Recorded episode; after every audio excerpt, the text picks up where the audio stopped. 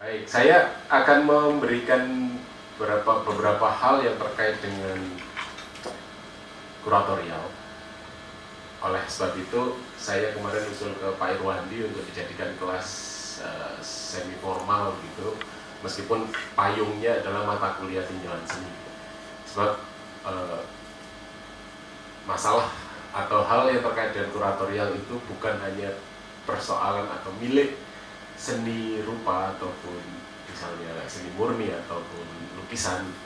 Tetapi juga semua bidang kebudayaan terkait di dalamnya.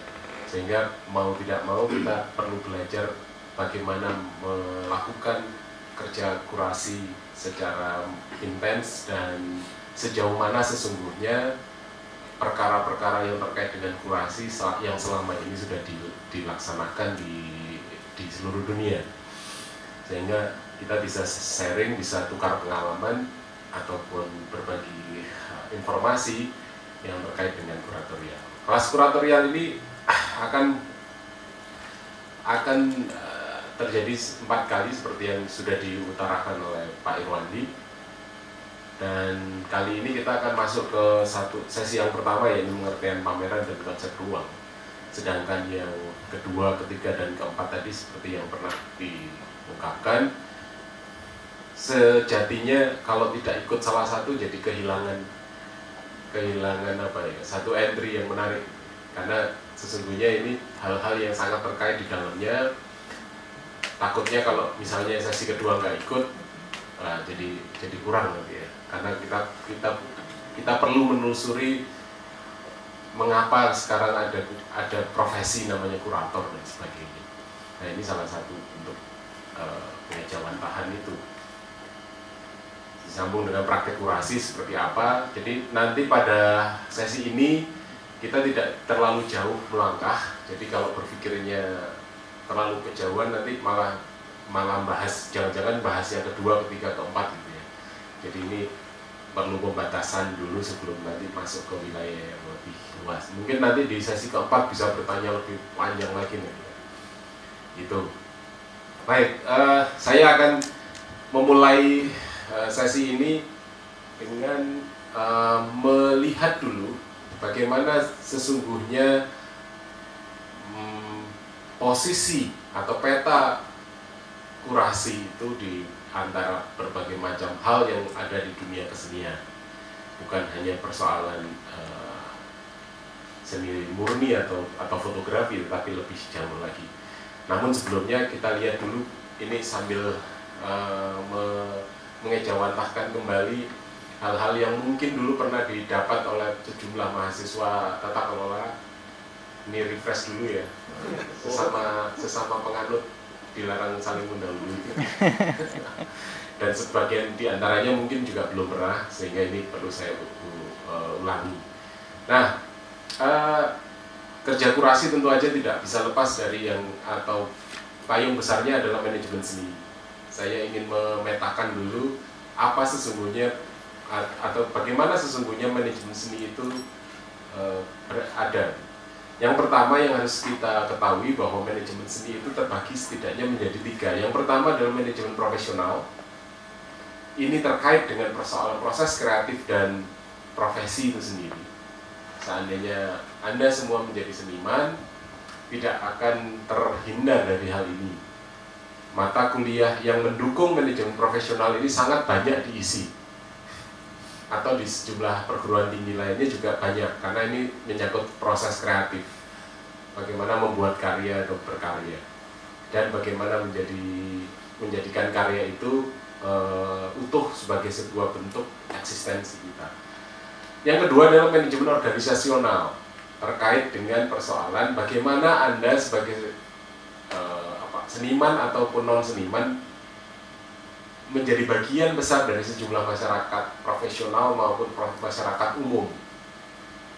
Nah, mata kuliah ini belum tentu ada di di jurusan-jurusan karena persoalannya ini kadang-kadang hanya di jurusan-jurusan tertentu yang terkait dengan persoalan pengorganisasian berbagai macam hal.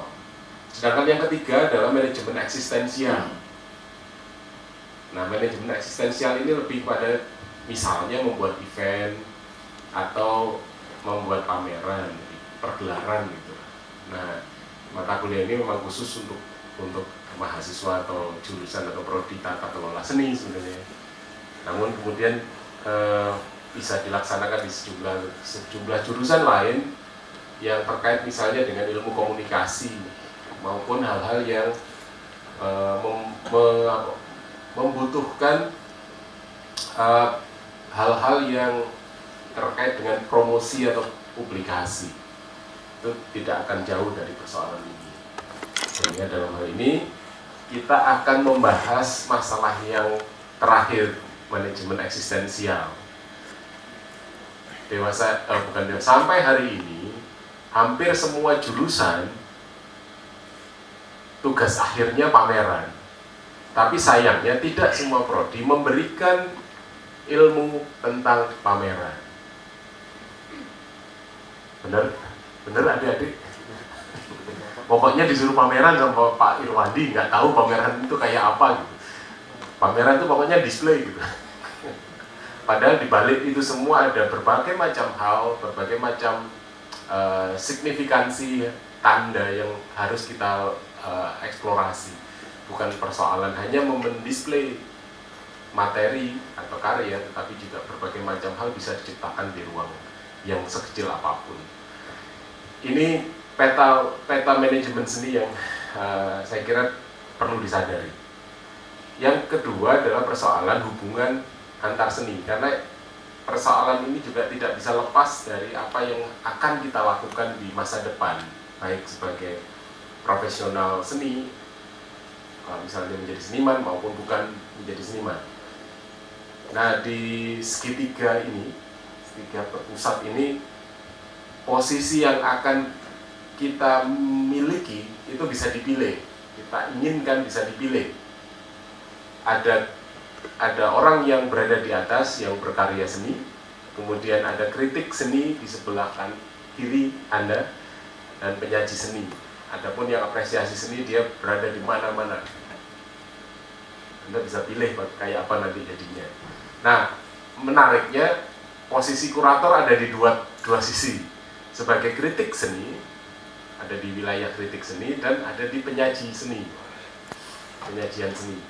Nah, ini me menandakan bahwa posisi atau kedudukan kurator punya punya apa ya punya fleksibilitas. Bahkan sebenarnya kalau mau ditempatkan di posisi berkarya seni juga ada gitu dan di apresiator seni jelas. Ada cuman nggak saya tulis. Jadi sebenarnya kalau misalnya seniman eh, kuratornya itu juga seniman yang juga ikut pameran itu juga boleh. Maka dari itu memang jadi kurator itu anu rakus memang. Bisa apa aja di sini gitu saking saking punya kekuasaan besar dia um, apa uh, dia bisa cair ke mana-mana. Tapi yang paling utama sekarang kita bedakan aja bahwa kritik seni dan penyajian seni itu adalah payung di mana kurator berada. Nah secara umum aja sebelum masuk ke wilayah pengertian bagi teman-teman yang baru mulai menelisik masalah kurator ini adalah pengertian paling dasar yang pernah ada di sebuah kamus Webster's New 20th Century Dictionary ini pengertian kurasi itu secara das, secara mendasar berarti merawat, menjaga atau memelihara dan mengawasi. Jadi kata kerjanya cuma merawat, menjaga, memelihara, memperhatikan, dan mengawasi. Itu zaman dahulu. Sampai abad ke-20, makna kurasi adalah merawat, menjaga, memperhatikan, dan mengawasi. Tapi nanti pada akhirnya di dalam perkembangan sejarah, satu kata kerja lagi muncul, yakni menyosialisasikan. Itu intinya begitu. Kalau dasarnya itu. Nah, oleh sebab itu dalam kelas kuratorial ini yang akan kita jalani selama empat kali, kita akan bicara berbanyak hal yang terkait dengan kuratorial, di antaranya lima ini. Ada sejarah, ada praktik kerja, kemudian posisi dan jenis kurasi, wacana, relasi, dan kontribusi. Saya tidak ingin membahas lebih detail masalah kurasi nanti uh, di pertemuan-pertemuan berikutnya akan muncul, tetapi saya ingin memberikan uh, peta kerja aja untuk untuk mendasari apa yang akan kita buat. Nah, ini saya ambil dari buku buku Hans Georg Fuss yang selama ini harus kita lakukan sebagai seorang kurator. Jadi siklus ini ini adalah peta yang paling dasar yang harus dimengerti oleh seorang kurator. Nanti akan membedakan batas antara kurator dan IO itu apa. Karena selama ini bagi mereka yang baru tahu biasanya agak sulit membedakan antara kerja kurator dan kerja IO. Nah ini ada empat kotak, empat hal yang harus dimiliki oleh seorang kurator. Ilmu-ilmunya juga terkait dengan empat hal ini. Yang pertama ini adalah objek, objek, objek yang sedang dikaji, entah itu lukisan, entah foto atau karya seni yang lain, entah peninggalan bersejarah, itu adalah objek yang uh, dihadapi. Nah, proses kurasi ini tidak ada tanda panah, artinya bisa dimulai ke kanan atau ke kiri. Bisa bisa ke ke sini karena di sini sudah terjadi dekontekstualisasi, artinya objek yang sesungguhnya seperti ini kemudian dialihkan menjadi apa menjadi tema yang lain bukan bukan hanya persoalan persoalan uh, apa sejarah objek tersebut dialihkan mengalami dekontekstualisasi. Di sini diinterpretasi juga bisa langsung dan akhirnya di sini dilakukan komparasi. Komparasi maksudnya apa? Komparasi itu antar objek diperbandingkan, antar objek dikaji bersama dan kemudian bisa langsung melihat bagaimana sebaiknya ditampilkan.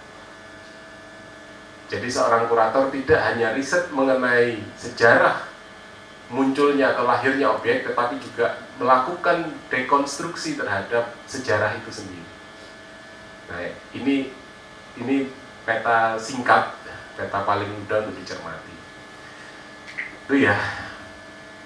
Nah, ini sekarang memasuki satu wilayah lain yang yang saya janjikan di dalam uh, publikasi di luar yang ada di promosinya yang pertama adalah persoalan pameran. Bagaimana mengerti pameran itu sendiri. Jadi jika dipetakan dalam sebuah pameran kita itu punya banyak hal yang harus diselami. Satu kotak ini satu bab, teman-teman. Jadi nggak mungkin kemudian satu kotak ini atau satu satu slide ini dipelajari dalam satu semester kecil kemungkinan untuk bisa maksimal maka dari itu muncullah jurusan tata kelola seni itu. Salah satunya belajar per kota ini tadi. ya. Kan nggak apa-apa. Untung untung namanya tata kelola seni. Kalau disingkat enak ya Pak ya. Pak Keloni gitu ya. nah, ini ini ini dibaca sendiri mana yang nanti akan muncul tapi intinya saya hanya ingin belajar memberikan informasi yang terkait dengan yang ada di lingkaran yang bergaris putus-putus itu saja. Nanti kalau semua kalian nanti nggak masuk tata kelola. ya, jadi pengertiannya aja udah satu kali pertemuan, nanti disambung dengan uh, bagaimana ruang atau ini ini ada kertas space yang hanya salah satu yang harus dibahas di dalam uh, pertemuan ini. Baik ini banyak sekali ya. Ini tadi kuratorial, kuratorial ini tadi terkait dengan yang sebelumnya, jadi hampir sama. Sedangkan ini sebenarnya teknis banyak sekali, bukan hanya ini, tapi juga muncul ya, pasca produksi juga demikian. Bagaimana menjual dan mengevaluasi. Ini nanti kita pelajari semua. Baik, yang yang pertama yang ingin saya ungkapkan adalah bahwa pameran dalam hal ini kita artikulasi secara langsung adalah alat. Jadi pameran itu hanya sebuah alat sebenarnya dari ribuan makna yang atau kebutuhan yang setengah di antaranya kita tidak pernah menduga hasilnya. Kalau dalam proposal Anda menuliskan tujuan dan manfaat gitu ya. Tapi itu tidak bisa diyakini 100% bahwa tujuannya seperti itu. Kita akan mendapatkan lebih dari sekedar yang kita tulis.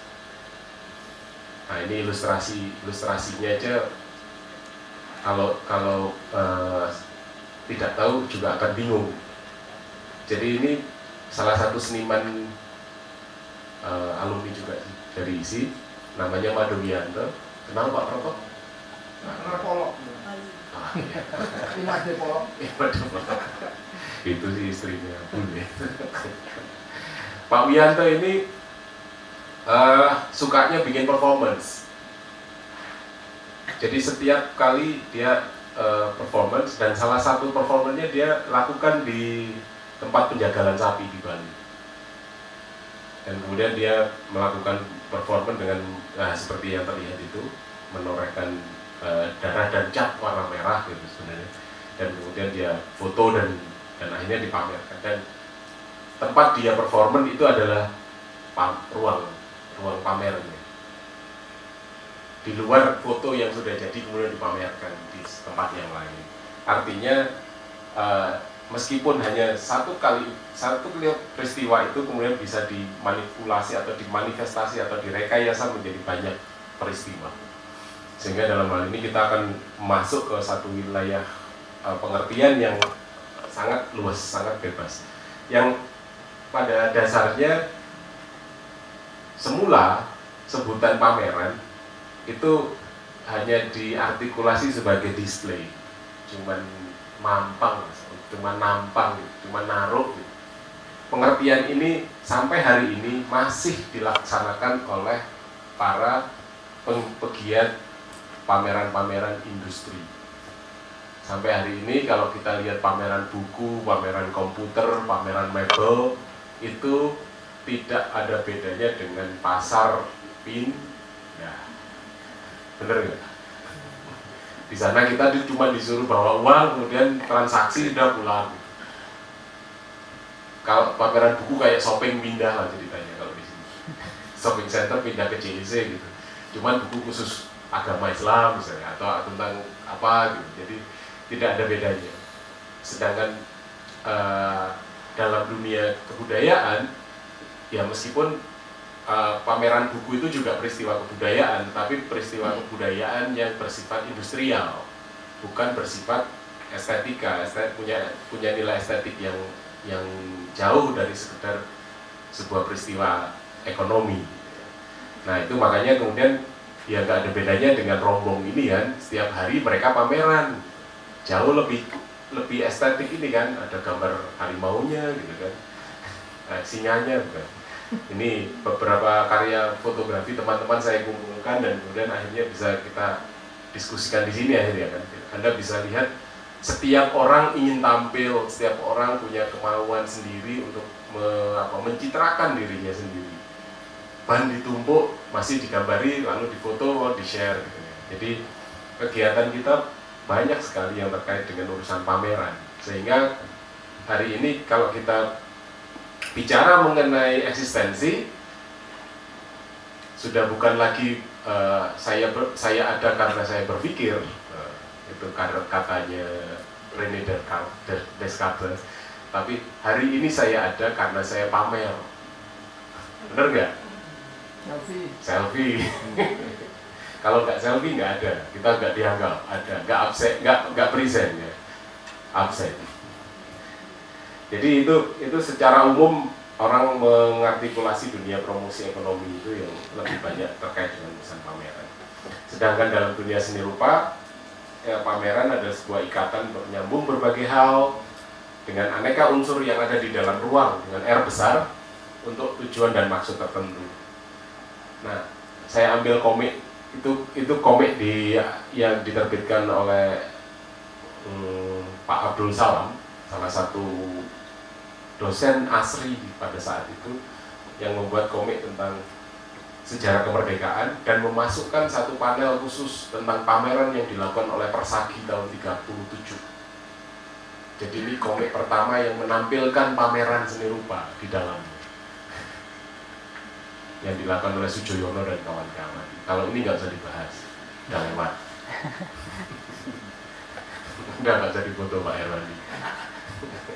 Nah ini pengertian-pengertian pameran yang mungkin nanti bisa Anda baca di buku-buku dan banyak sekali uh, tujuannya dan sebagian di antaranya itu ada pengertian pameran yang asik sekali ini.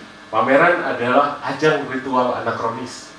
Segala hal yang segala hal yang anakronis yang tidak sesuai dengan zaman itu namanya pameran. Hal-hal yang menyalahi zaman adalah pameran. Maka dari itu ada sejumlah karya uh, yang masuk ke ke sebuah forum penting di Jerman yang mengartikulasi tentang seni hari ini itu apa sesungguhnya. Nah itu yang mereka cari e, mengapa kemudian dokumenta itu menjadi penting karena setiap orang yang ikut di dalamnya dia mengartikulasi seni secara kekinian. Ya kalau dulu seni diartikulasi adalah jiwa ketok kata Sujoyono gitu ya. Ekspresi yang terli terlihat gitu. sekarang apakah berkarya seni dengan harus dengan ekspresi batin? Kan enggak. Seniman instan juga ada dan itu tidak perlu ekspresi nggak perlu kejiwaan gitu ya. Bisa jadi seniman gitu ya. Jadi makin lama makin bervariasi gitu. itu salah satu contohnya. Bahkan uh, ada satu seniman yang menyatakan diri bahwa saya berkesenian hanya dengan berdialog dengan tanaman yang saya pelihara. Dan kemudian masuk ke forum yang namanya dokumenta di Jerman. Jadi kegiatannya setiap pagi adalah menyapa tanaman dan kemudian itu dijadikan salah satu peserta forum penting dunia itu. Mau apa kalian gitu nggak usah capek-capek belajar fotografi. Cukup menyapa tanaman dan seni. Apa jurusannya? Ya itu contoh bagaimana sekarang dunia kesenian makin lama makin tidak karuan gitu ya. Makin posmo makin mudah makin makin tidak jelas gitu. Makin bias gitu. Nah tapi untuk yang urusan pameran ini tetap kita kita pelajari dulu dari satu ke satu nah itu pengertian pameran kemudian kita menginjak ke jenis-jenis pameran anda bisa melihat ada empat hal yang terkait dengan uh, klasifikasi pameran. Ada tipe pameran, ada karakter pameran, ada tempo dan struktur lokasi. Ini ini pengertian dasar yang amat penting menurut saya karena terkait dengan persoalan bagaimana nanti ide pameran itu akan dimulai. Jadi tidak hanya berasal misalnya kita berpameran karena ada karya, tetapi karena tidak ada karya maka kita pameran juga. Biasanya kan orang berpikir ada karya baru pameran. Tapi macam-macam hal bisa dilakukan. Saya ingin membahas satu persatu secara singkat. Yang pertama adalah tipe pameran. Nah tipe pameran ini ada dua berdasarkan karya dan berdasarkan tujuan yang berdasarkan karya ini adalah temuan-temuan atau artefak yang sudah ada di depan mata. Bukan pada karya yang belum dibuat. Jadi kalau kalau saya menemukan sebotol aqua kemudian saya ingin pamerkan pilihannya cuma dua itu estetik apa rekonstruktif. Estetik itu membiarkan uh, si kurator untuk menelisik apa nilai intrinsik atau apa ya nilai-nilai yang ada di dalam botol ini sedangkan yang rekonstruksi adalah menelisik sejarah botol ini atau minuman ini. Jadi kalau estetik, saya bisa letakkan ini jungkir balik nggak apa-apa. Tapi kalau rekonstruktif, saya harus meletakkannya sesuai fungsinya. Ya, ngerti ya, gitu ya. Singkatnya gitu. Nanti kalau dibahas panjang. Kemudian yang kedua adalah berdasarkan tujuan. Kalau tujuan ini Kita bisa lihat tiga-tiganya beda dan itu nggak usah dibahas. Yang kedua adalah persoalan karakter. Nah ini ada 12 kalau dijabarkan jadi satu bab sendiri. Kalau misalnya saya punya ide, biasanya saya tidak hanya melaksanakannya dengan menggunakan satu item yang ada di sini. Saya menggunakan sampai lima item di dalam ini untuk menjadi satu pameran. Misalnya pesertanya, pesertanya pameran bersama. Kemudian waktunya saya ngambil bienal. Jenis karyanya bermacam-macam atau satu atau multimedia. Kemudian pelakunya perupa misalnya. Peta kepentingannya non profit misalnya. Nah, itu artinya di dalam di dalam sebuah pameran kita bisa mengambil 5 sampai 6 ide dari karakter. Dan dalam sebuah sebaliknya juga sebuah pameran yang kita bahas bisa menggunakan ini untuk kita teliti lebih lanjut. Ya. Di situ. Bahkan saya pernah melaksanakan uh, pameran yang nomor 10 ini yang sifatnya retro, retrospektif dan koleksi ini yang paling berat menurut saya di antara 12 karya eh 12 karakter yang bisa kita buat. Ya seperti itu. Kemudian setelah karakter pameran kita lihat tempo pameran. Nah tempo itu ada empat tetap temporer keliling dan berkala. Berkala iya berkala tidak kalau kalau kalau kalau iya kalau kalau ora gitu. Tergantung duitnya lebih sering nggak punya duit. Ya sekali-sekali teman-teman tanya ke Heri Pemat yang bikin arjok itu apakah setiap tahun ada duit untuk memulai? Gitu. Mesti jawabnya guya guyu karena satu kali event habisnya lebih dari satu miliar itu. Pusing nyari modalnya itu. Ya ini nggak saya terangkan ini, ini semua udah ngerti mestinya ya. Kemudian yang keempat adalah melihat struktur lokasi yang dipakai. Ini ini juga bisa menimbulkan banyak hal yang bisa kita buat sebagai ide. Ya nomor satu adalah struktur baru dia berada di wilayah yang uh, tidak biasanya. Kemudian ada juga pameran yang dilaksanakan dalam konteks kehidupan sehari-hari. Jadi ya ruang kelas yang biasa untuk ngajar dipakai untuk pameran gitu, tapi tanpa mengganggu aktivitas sehari-hari. Kemudian nomor tiga menginfiltrasi ke lembaga yang tidak didesain untuk merepresentasikan seni pameran misalnya. Misalnya pameran di pesawat terbang, gitu. gimana caranya atau di kapal laut keliling dari Aceh ke, ke Papua gitu. Pameran selama satu minggu di laut, gitu. asik kan? sambil menikmati Indonesia. Yang keempat misalnya uh, pergantian ini konteks yang sama dengan kecenderungan ruang pamernya. Jadi pernah ada pameran uh, Asia Pacific Trienal di, di di Brisbane.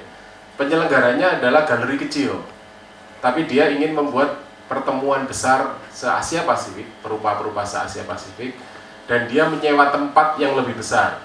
Tetapi nama tempatnya tetap seperti galerinya. Jadi dia dia mengubah tempat yang baru itu sebagai nama galerinya. Itu terjadi sekarang. Dan yang kelima ini mobilitas yang besar artinya pamerannya berjalan, moving gitu. Jadi tidak berhenti di satu titik dan bukan pameran berkala ya, uh, bukan pameran apa keliling, tapi misalnya kak teman-teman pameran di atas truk selama dua hari itu keliling ke mana-mana, nah itu itu yang dimaksud. Lokasinya bergerak. Atau sekarang sudah ada ranah virtual nah itu juga masuk ke yang kelima ini. Itu itu bagaimana kemudian pameran hari ini tidak bisa sudah tidak bisa lagi terpaku pada satu lokasi atau satu tempat yang diam.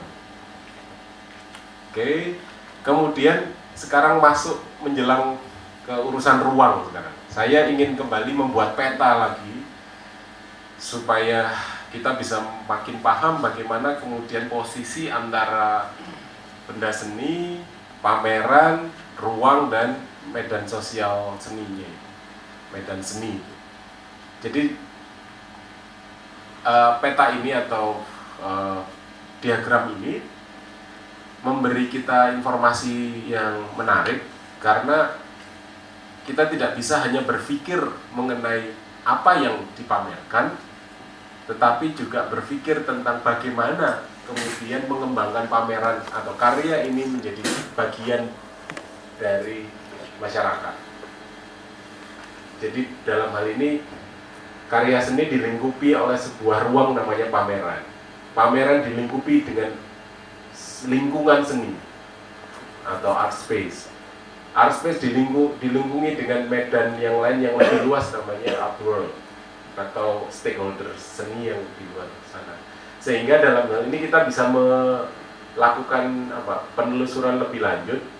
Apa saja yang terkait dengan urusan karya? Nah ini timnya ada sendiri. Apa saja yang terkait dengan urusan pameran? Ini timnya harus dibentuk sendiri. Dan seterusnya. Sehingga dalam hal ini kalau kita berpikir makin ke atas atau makin meluas, ya tentu aja pikirannya harus makin uh, kompleks. Biayanya makin besar, gitu. tapi pendapatannya makin besar, gitu. biasanya begitu.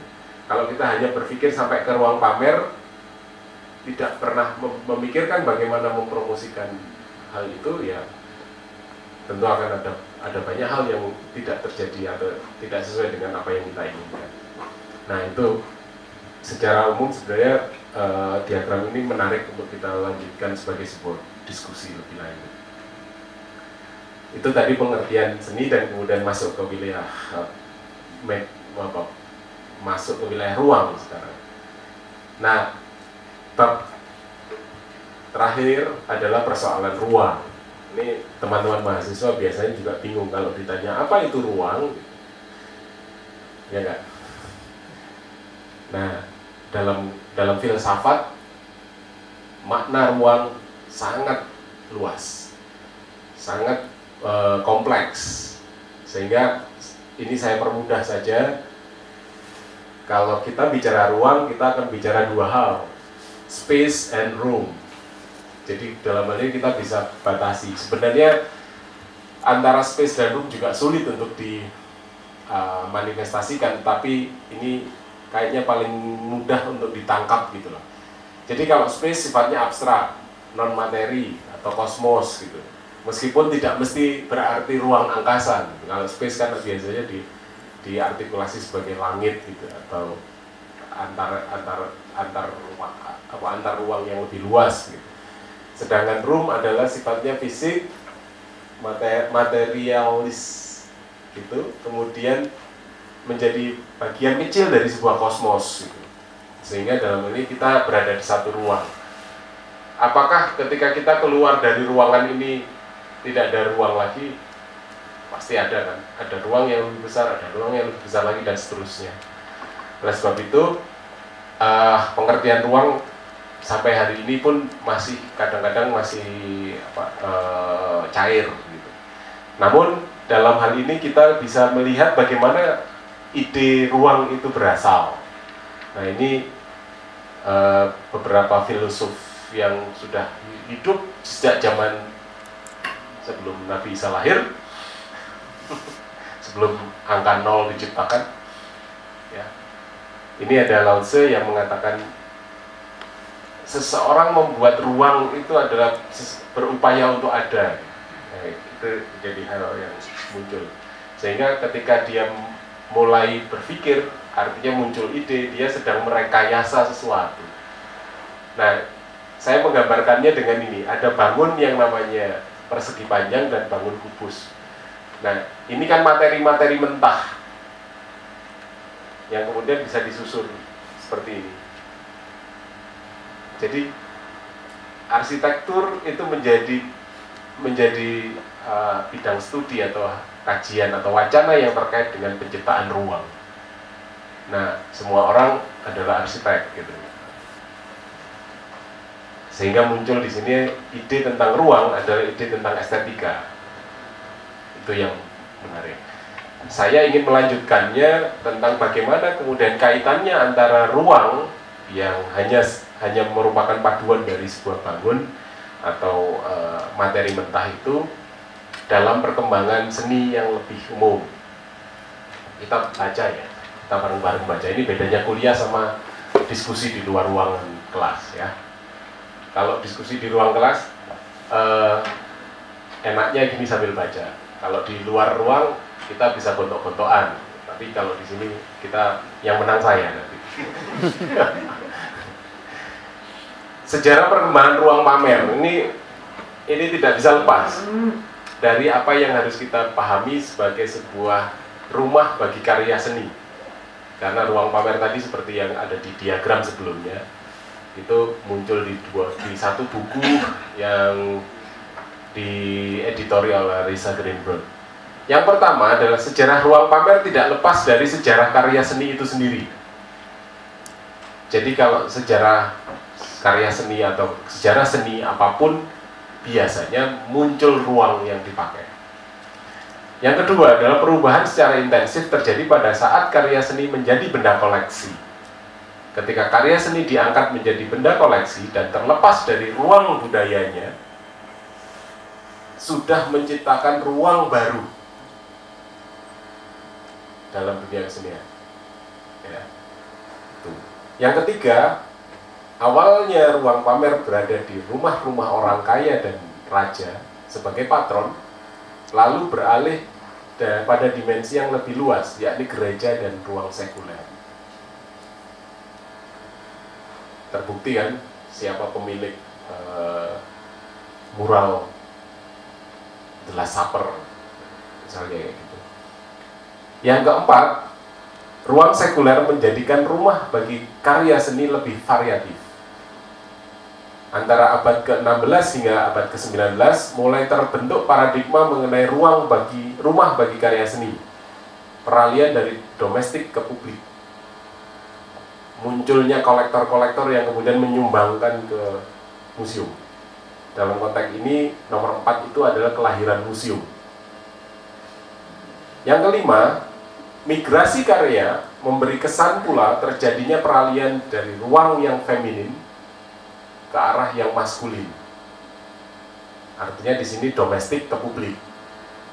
Ya, feminin, feminin artinya di sini uh, selera-selera pribadi yang kemudian menjadi selera publik. Termasuk di nomor 5 ini nanti muncul sejarah kurator. Muncul. Yang keenam, peran signifikan ruang juga menjadikan cara berpikir perupa menjadi berkembang.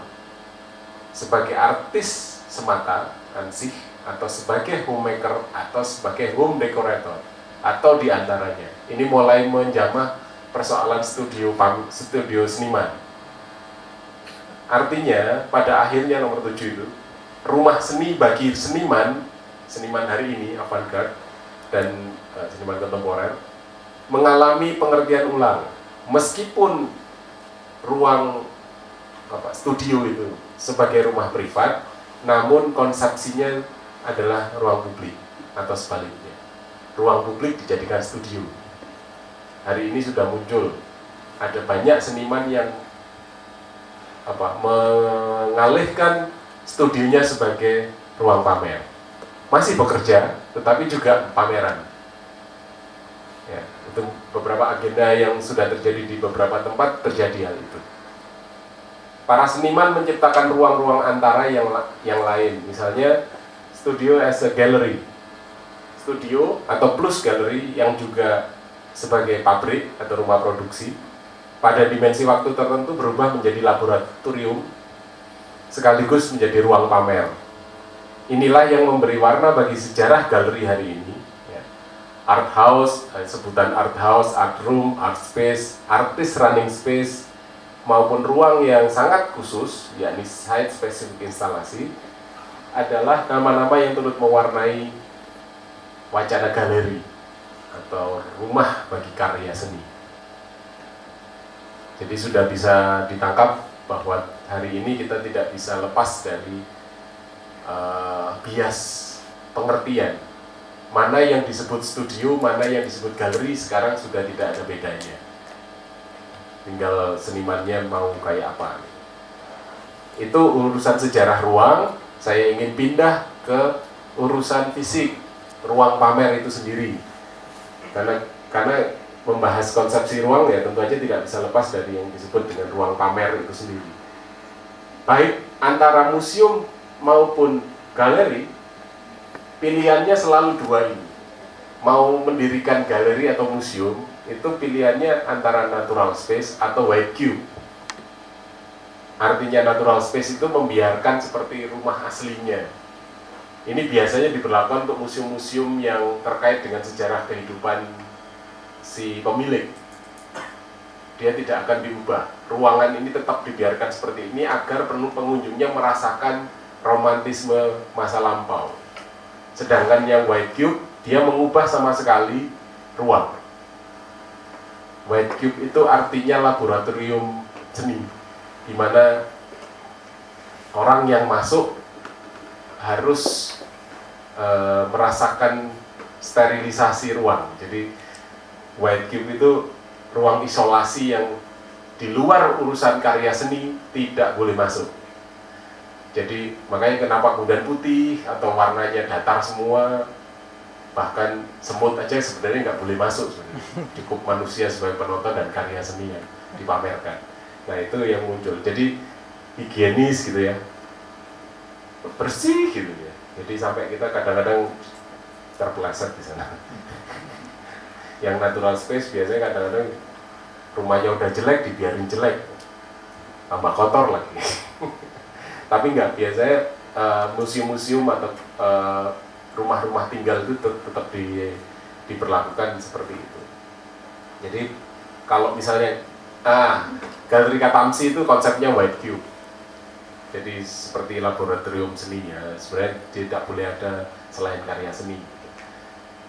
Kemudian art job itu white cube selalu begitu karena zaman sekarang itu kalau ingin bikin pameran yang bernuansa kekinian selalu harus white cube ya beneran kalau yang bernuansa sejarah biasanya natural space. Itu pilihannya cuma kayak gitu kok.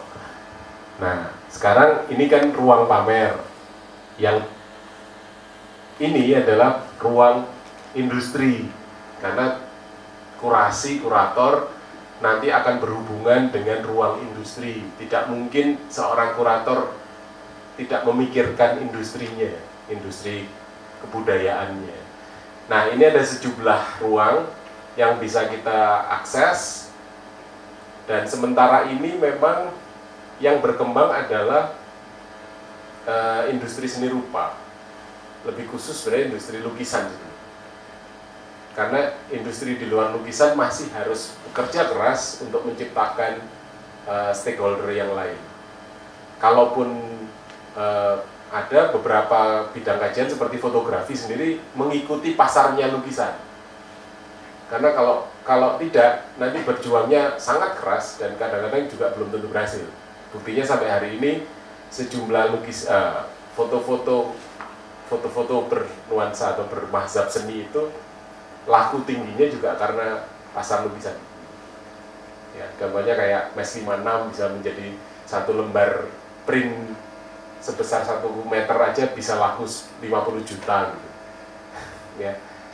Eh, teman-teman uh, sering melacak berapa harga harga fotonya atau atau karyanya Angki Purbandono ya?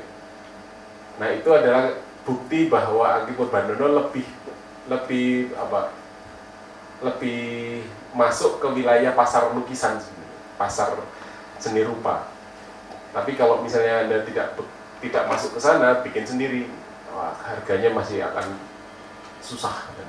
Nah ini ada sejumlah forum yang bisa kita lihat, ada pameran berkala yang yang sangat tua. Venice Biennale itu ada biennale pertama di dunia. Usianya sudah 150 tahun. Oh perbandingannya Jogja Biennale gitu ya, yang ada di dekat kita gitu. yang usianya baru beberapa puluh tahun gitu. Ya. Kemudian ada art fair.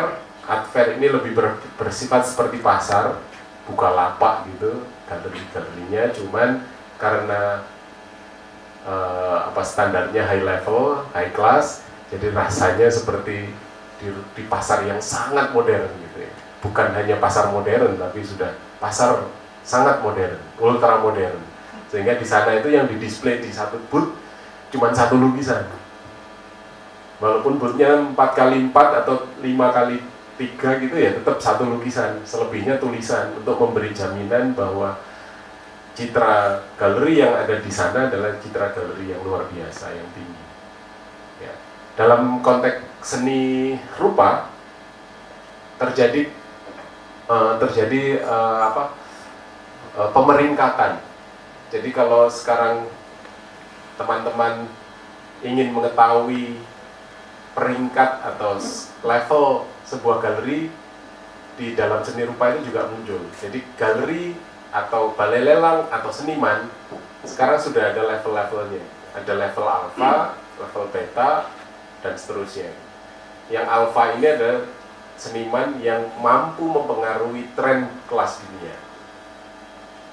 Yang B nasional, yang D lokal-lokalan. Yang yang yang dibawa sendiri ya seniman miskin gitu. jadi jadi Anda bisa melihat uh, posisi seniman atau galeri atau balai lelang di kelas kelas dengan kelas-kelas semacam itu. Art fair juga gitu, bienal juga gitu dan beberapa seniman kayak gitu. Nah ini bisa kita lihat ada agenda khusus ini adalah momen atau forum-forum yang uh, meskipun berkala tetapi berkalanya lebih dari tiga tahun. Jadi dokumenta itu lima eh, empat tahun sekali. Eh lima ya, lima tahun sekali. Sampai namanya saya lupa apa. Kemudian ada monumenta. Monumenta ini di Paris khusus karya-karya instalasi di luar ruangan. Ars Electronica itu adalah forum untuk uh, para seniman multimedia. Uh, produk-produk lulusan dari sini mestinya yang bisa mengisi. Ini salah satu yang pernah masuk ke sini adalah uh, House of Natural Fiber, Venza dan kawan-kawan, dan mendapat penghargaan terbaik di Forum Ars Electronica di Eropa termasuk ke Transmediale juga. Transmediale ini juga forum untuk para multimedia, uh, new media arts, artis. Dan undisclosed territory ini sebenarnya forum performance art yang ada di Solo. Contohkan gitu. Jadi forum-forum khusus untuk seniman-seniman khusus gitu ya dan sebagainya. Nah yang lelang ini banyak sekali. Kalau teman-teman belum pernah nonton lelang dengan skala yang sangat uh, tinggi. Tontonlah yang berskala ini misalnya Kristi sekarang yang paling aktif atau Sotebi ya. Sotebi sini juga sangat aktif. Jadi kita hampir tidak tahu uangnya dari mana itu hitungannya udah triliun sekarang. Satu lukisan sudah triliun. Karya Van Gogh itu udah sampai ke 3 triliun. Dan yang beli orang Arab loh. Sekarang kita di sini dilarang-larang menyimpan lukisan berbau makhluk hidup orang Arab malah beli. Taruh di museum mereka suruh lihat itu. Gimana gimana Prof? Perlu bikin jurusan baru kayaknya Prof? Jurusan apresiasi seni juga. Yang muncul kolektor-kolektor baru. Ya ini beberapa forum yang bisa kita akses dan kemudian yang terakhir saya ingin memberikan satu informasi mengenai ruang yang terkait antara kurasi dan uh, dan pengertian pameran tadi. Nah, ini adalah gambar atau diagram yang mungkin bisa kita uh, pakai sebagai cara untuk memulai bekerja seorang kurator. Dari bangun atau bidang yang uh, persegi panjang itu adalah untuk mewakili bidang studi atau tema pameran. Nah, silindernya itu respon atas bidang studi atau tema pameran. Jadi ada ada seniman, misalnya kita bicara tentang tema pameran. Ini tema pamerannya, eh, misalnya kemarin saya melaksanakan di pameran di Ponegoro misalnya. Saya memberi batasan bahwa temanya di Ponegoro, gitu. atau temanya tentang Suprapto Sujono gitu ya, guys. Gitu. Nah, banyak sekali yang melakukan atau membuat ide berkarya sesuai ini namanya utuh nih di dalam bidang tersebut, tersebut tema pameran. Namun ada, ada juga yang kedua dia mengiris dari ide itu diiris kecil aja, kemudian dimasukkan. Nah, yang irisan ini kadang-kadang dikritik. Apa hubungannya antara Ember dan Suprapto Sujono ya? Gitu. Ya kan? Nah, gitu makanya apa hubungannya ya gitu nanti kan orang macam-macam itu. Itu menurut saya itu juga menarik karena kita tidak bisa kemudian setiap ada pameran tentang seseorang kita harus motret wajahnya gitu kan nggak mesti kan gitu. Nah, itu perlu perlu perlu pemberontak pemberontak di sini gitu. Itu biarin kuratornya yang baca. Jangan senimannya sendiri yang baca. Biasanya mi- miskin bacaan seniman itu.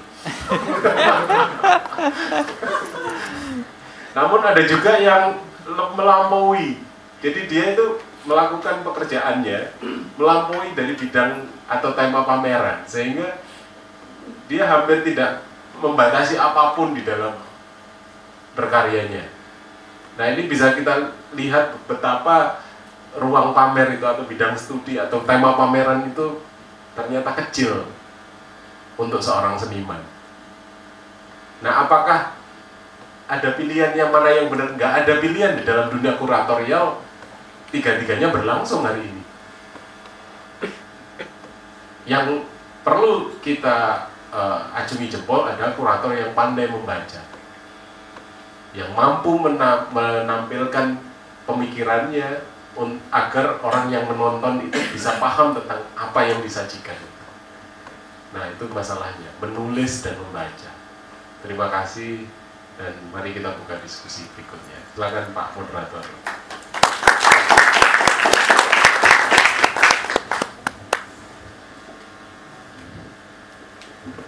Baik, terima kasih. Satu jam, eh, Mas eh, Mas Mike memaparkan materi tentang eh, konsep apa pengertian pameran dan konsep uang. Saya kira tentu kita mulai dengan sesi tanya jawab. Eh, untuk itu saya persilahkan bagi mahasiswa ataupun hadirin semua di sini yang menyampaikan sesuatu, bertanya atau apa. Silahkan. Oke, satu. Tampung dulu satu, Mas Johannes. Ada lagi? Ya, Mas Denny. Yang lain mungkin teman-teman dari mana atau Prof mungkin ada tanggapan atau Oke, du- dua dulu, dua dulu ya sesi dulu. pertama dua dulu. Silakan Mas Jo. Terima kasih nama saya Johannes. Eh, saya mau nanya gini, saya ada cerita dikit gini. Eh, apa, saya ada punya teman itu apa di rupa, terutama di lukisan. Dia itu beberapa kali pameran, pameran dalam arti sampai sampai di Jogja Galeri. Dan pertanyaan saya kepada dia itu seperti ini, Eh, gimana karya kamu udah udah kebeli semua atau belum aja dia bilang sama sekali nggak ada yang beli dia bilang gitu. terus yang mau saya tanya itu gini peran sejauh mana peran kurator pada post exhibition setelah exhibition. Jadi itu merupakan kayak kegelisahan teman-teman saya ketika mereka setelah pameran. Yang ada karya mereka hanya mangkat di dalam gudang atau di rumah mereka sendiri. Terus yang kedua Uh, saya menyikapi dari art job. Art job kemarin saya sempat datang itu di situ jadi kayak sebuah uh, ini apa ruang ruang selfie bagi bagi kaum milenial ya terutama nah di situ apakah tujuan itu merupakan bagian dari proyek pameran secara publikasi atau itu suatu hal yang tidak bisa dikendalikan oleh ruang pamer. Itu dia. Terima kasih. Oke.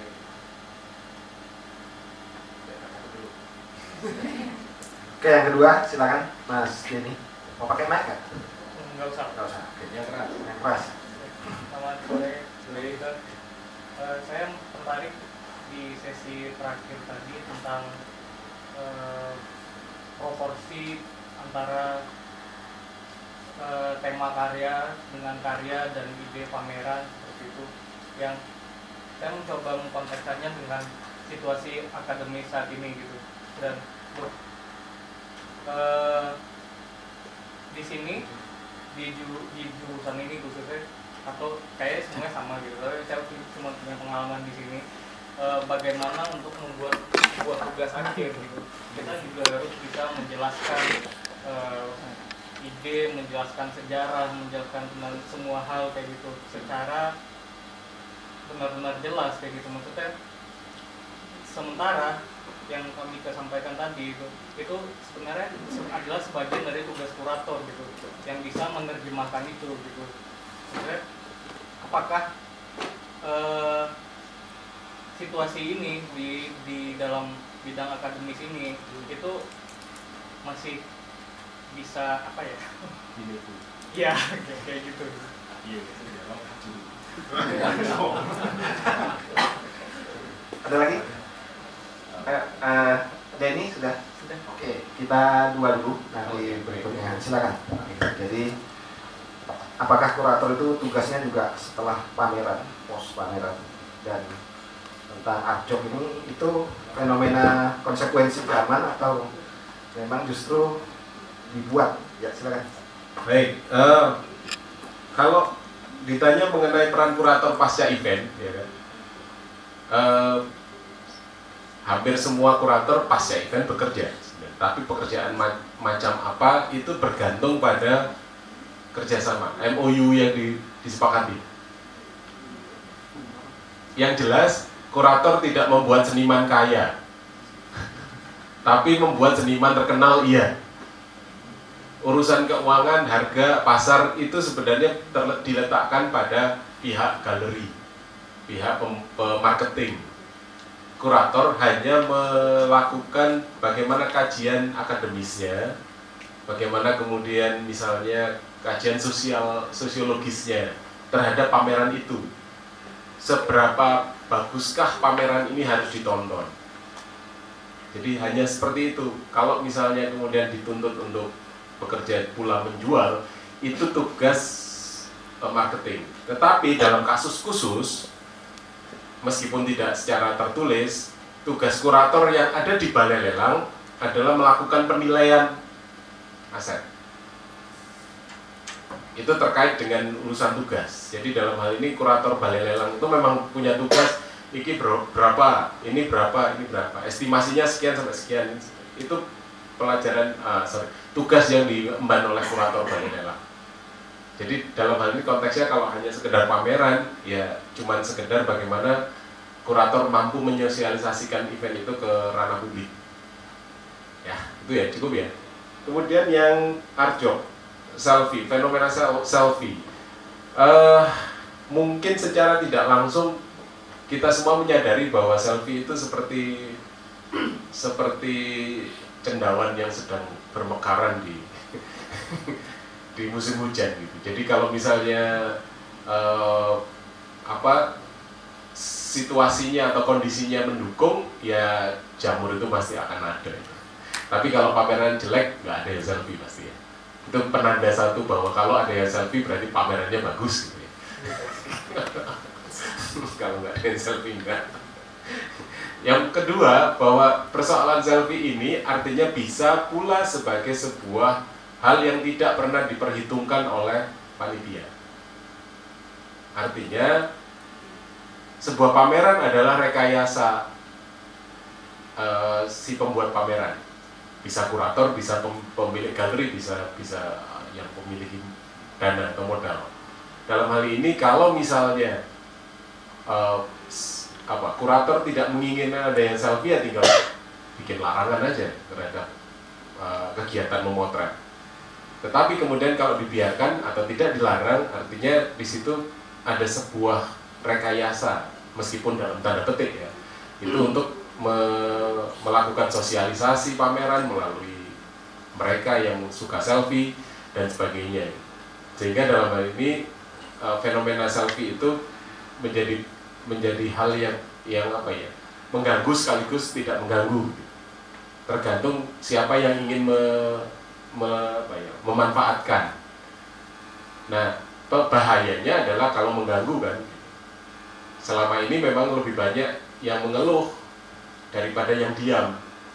Nah, itu itu itu yang perlu di apa diketahui oleh oleh panitia, oleh si pembuat pameran sehingga dalam ini fenomena selfie ini ya tentu aja bukan bukan tugas kurator ya untuk untuk melarang atau tidak melarang itu tugas bagaimana eh, karya ini tetap awet terpelihara dan tidak tidak ada masalah di, di kemudian hari.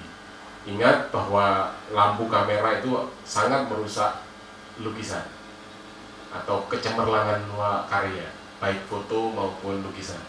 Sehingga dalam hal ini diminimalisasi untuk mendapatkan sinar eh, dari benda apa pun. Itu yang yang kedua. Yang yang yang ketiga pertanyaan pen, apa, penanya kedua ya Denny, Mas. Denny. Nah ini urusan urusan TA ini juga kami hadapi di, di jurusan tata kelola seni karena ternyata ada mahasiswa yang membuat event karena memang memang tugas eh, skripsinya adalah men- penciptaan karya seni. Nah saking tenaganya itu berlebihan maka dia berlaku sebagai dua profesi satu sebagai manajer event, satu menjadi kurator. Ketika per- event itu tidak di kampus tapi di luar kampus, jauh lagi di Jawa Timur lagi. Jadi ujiannya harus ke sana, dosennya diundang ke sana. Dan ketika persoalan ini muncul ketika laporan tugas akhir atau skripsi itu ditulis. Kalau berlaku sebagai satu satu apa ya, satu profesi ya satu satu peran maka mungkin uh, laporannya tipis tapi gara-gara dia dia melakukan dua peran maka babnya nambah. Karena sebagai kurator dia harus menjelaskan tentang karya-karya seninya. Kalau sebagai manajer dia menjelaskan tentang strategi-strategi yang dilakukan ketika melaksanakan event. Nah ini ini sebagai contoh aja. Artinya kan di sini kalau misalnya bukan anak TKS perannya juga muncul tambah lagi ya ini sebagai seniman. Jadi satu mahasiswa bisa memiliki peran tiga. Satu sebagai manajer pameran tugas akhir sebagai kuratornya kadang-kadang kan nggak punya duit. Jadi semuanya dirangkap gitu. Punya tenaga tapi nggak punya duit gitu karya bikin sendiri, dikuratori sendiri, dimanajeri sendiri, nanti dibeli sendiri. nah yang diminta oleh kampus untungnya cuma satu kalau di seni murni atau di fotografi mungkin ya sebagai seniman tapi ketika dia berperan ditanya bagaimana strateginya nggak pernah dita- ditanya kan oleh Pak Irwandi kan gitu sehingga untunglah laporannya hanya sebagai seniman gitu. nah ini ini mungkin juga bisa jadi eh, bagian dari kebijakan masing-masing sih program studi masing-masing mengenai posisi atau peran seorang mahasiswa yang akan melakukan tugas akhir. Ya. Nah, tentu aja persoalannya kadang-kadang terkait dengan eh, apa eh, upaya mahasiswa sendiri dalam mengha- menghadirkan karyanya. Yang yang dibutuhkan atau yang dipentingkan dalam proses tugas akhir kan adalah bagaimana karyanya yang bagus dan ditampilkan secara bagus gitu. Penilaiannya bisa diserahkan ke, ke, ke pengujinya. Jadi dalam hal ini saya masih harus mengembalikan kebijakan itu ke program studi masing-masing. Saya kira itu dari saya kalau eh, pertanyaan yang kedua. Baik, terima kasih. Eh, selanjutnya mungkin tahun kedua ada satu, satu baru, dua, ada lagi, tiga. Oke, eh, silakan mas. Nama Nama saya Ahmad. Ahmad Ya, eh, dari ya dari mana? dari Tata Oh, Kelola. TKS. Eh, saya pengen nanya masalah ruang. Tadi kan Pak Mika menjelaskan tentang ruang natural space dan white cube. White cube. Hmm. Eh, kemudian saya memperhatikan belakangan ini masalah teknologi. Apakah tidak ada kesempatan atau peluang untuk menciptakan ruang baru untuk berpameran? Karena belakangan ini ada beberapa di di dunia media sosial itu melakukan pameran secara online tidak di dalam ruang juga tidak di natural space atau web gitu. terima kasih Baik, eh, Terima kasih. Berikutnya. Dengan siapa? Eh, Berdiri boleh? Oh. Nama saya Tommy, Tommy. warga sekitar. saya mau pertama saya mau nanya sih Pak soalnya eh, baru-baru ini saya melihat eh, adanya saya ngerasa adanya pergeseran eh, makna dari kurasi dan seleksi. Misalnya kasusnya kayak gini. Ada ada sebuah eh, kayak jual beli gitu, dia ngejual baju-baju bekas gitu artis dan dia pakai kata istilah kurasi dan itu menggeser kan sebenarnya menggeser maknanya sendiri dan itu sebenarnya kan seleksi atau apa tapi kenapa yang dipilih itu? Apakah hal seperti itu benar atau salah gitu pak? Apa berarti dia berlaku sebagai kurator atau seperti apa kayak gitu? Terus kemudian aku mau nanggepin yang masalah art job tadi sih. Ya kalau aku ngelihatnya itu sebuah bentuk baru dari apresiasi seni sih. Jadi eh, perihal yang pemikiran-pemikiran seni jangan terlalu saklek gitu, jangan terlalu ini. Jadi mungkin pendekatan-pendekatan itu pendekatan baru sih, bukan yang terlalu art for art gitu sih. Udah itu aja. Terima kasih. Oke. Baik, terima kasih. Berikutnya saudara Albab. Silakan. Eh, perihal manajerial pameran dan kuratorial. Eh, pameran ada itu kan sesuatu yang penuh dengan perencanaan yang matang gitu loh. Tapi pasti ada sesuatu accident kayak gitu, ada kecelakaan yang bisa menjadi magic atau enggak kayak gitu. Nah, peran kurator di situ menanggapi kecelakaan-kecelakaan seperti itu seperti apa? Apakah akhirnya harus mengubah makna atau dekontekstualisasi tadi atau harus kembali ke sebelum kecelakaan? Bisa diberi contoh kecelakaan macam apa misal? Misalnya eh, Contohnya jangan di sini loh. Banget. Selingan. Ya apa misalnya karyanya Bansky kayak gitu. Oke. Ya, dengan tiba-tiba dia bergerak dan sobek kayak gitu atau ada hal-hal lainnya gitu. Oke. Sip. Baik, tiga. Ya, silakan. dulu ya, gak dulu ya, biar biar fokus ke Oke, eh, apa yang saya sebutkan di sini adalah ruang sebagai eh, apa room dalam konteks ini ruang fisik.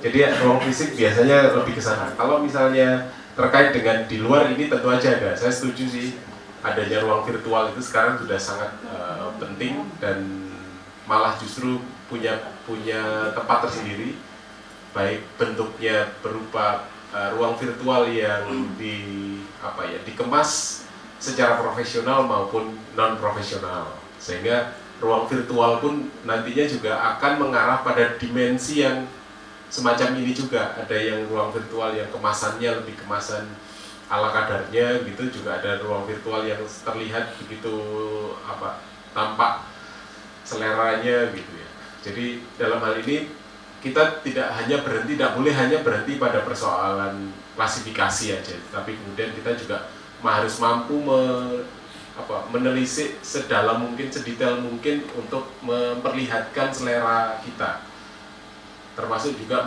menampung berbagai macam hal yang terkait dengan eh, kebutuhan orang lain. Tuh. Oke, kemudian soal fenomena kurasi dan seleksi. Sebelum tahun 95 di Indonesia itu tidak ada profesi kurator. Baru tahun 95 tepatnya di pameran Biennale Jakarta itu Jim Supangkat menyatakan dirinya sebagai kurator dan tertulis secara langsung di katalog mereka dan kemudian diinformasikan secara umum. Nah, sebelum ada istilah kurator, maka peran kurator itu disebut sebagai juri. Dewan juri. Itu dewan tukang nyeleksi lukisan yang mau dipamerkan. Sehingga selama ini yang dipakai lebih pada eh, fungsi kurator sebagai selektor. Sudah jelas kalau demikian sehingga eh, muncul eh, kerja kurator hanya menyeleksi selesai gitu. Tidak tahu nanti soal misalnya pamerannya klop dengan judulnya apa enggak gitu. Tetapi dalam perkembangan masa kini dengan munculnya industri kreatif muncul uh, profesi baru yang terkait dengan kurator terutama untuk fenomena uh, munculnya cu- curated market jadi pasar-pasar terkurasi itu sebenarnya fenomena pasar biasa yang kemudian apa yang ditampilkan dalam pasar se- tersebut itu telah dikurasi istilahnya oleh mereka begitu di, di, di- dikatakan ini pasar terkurasi atau curated market. Gitu. jadi ya apa yang ditampilkan itu memang sudah di apa diseleksi oleh para tim yang ditunjuk dan kemudian disajikan dalam forum yang namanya pasar terkurasi. Itu biasanya terkait dengan industri kebudayaan eh, kuliner, fashion atau aksesoris dan sebagainya itu muncul. Jadi istilah kurator sekarang sudah makin makin umum dan makin ma- makin menggejala di berbagai macam hal. Yang juga penting di eh, diselami adalah bagaimana pekerjaan kurator untuk bidang musik, bidang sastra, film. Apakah dia sama dengan dramaturg? Ya beda, karena pekerjaan dramaturg dia berkarya. Meskipun juga dia melakukan kritik seperti halnya seorang kurator melakukan proses kuratorial. Tetapi dalam forum besar yang bernama festival istilah dramaturg gak ada. Yang ada kurator. Karena urusannya ini bukan membuat karya tetapi membuat event. Mengerti ya posisinya ya? Jadi dalam hal ini misalnya ada festival sastra kurator menyeleksi sastra apa saja yang kemudian ditampilkan dalam forum ini supaya forum ini berbeda dengan yang lain atau belum ada dibanding yang sebelumnya. Tapi kalau dramaturg kan dia menciptakan karya supaya kontekstual dengan dengan zamannya gitu. Nah, dalam festival musik ataupun eh, apa agenda agenda festival film misalnya dia berperan menjadi juri ataupun menjadi bagian dari orang yang melakukan kontekstualisasi atau dekontekstualisasi terhadap film-film yang dipilih. Sehingga dalam hal ini memang kita tidak bisa eh, apa menghindari selera subjektif para kurator dalam dalam berbagai macam forum. Itu yang paling sering diperdebatkan kan soal selera kurator. Sehingga fenomena dewan juri dewan juri lomba lukis anak itu sering terjadi pula di festival-festival yang terkurasi ya nggak? kalau kalian sering melihat perdebatan antara dewan juri dan para orang tua anak-anak yang nggak nggak menang. Itu sama kasusnya dengan forum-forum itu. Ya itu. Eh, kemudian yang ketiga persoalan accident apakah karya misalnya karya bensi, bensi gitu karya bensi kan memang itu sebuah konsep atau ini apa misalkan ada karya jatuh saat pameran terus Ah, ya Oke, kecelakaan sesungguhnya ya, bukan Iya. kecelakaan sebagai konsep Iya. gitu ya. Karena memang ada sekarang karya seni ber- harus kecelakaan dulu baru dianggap seni. nah iya, sekarang gitu. Hampir hampir sebentar lagi ada bunuh diri adalah seni. Perkembangan dari performa art. Jangan ikut-ikutan, Prof. Hidup masih baik, masih enak-enakan aja.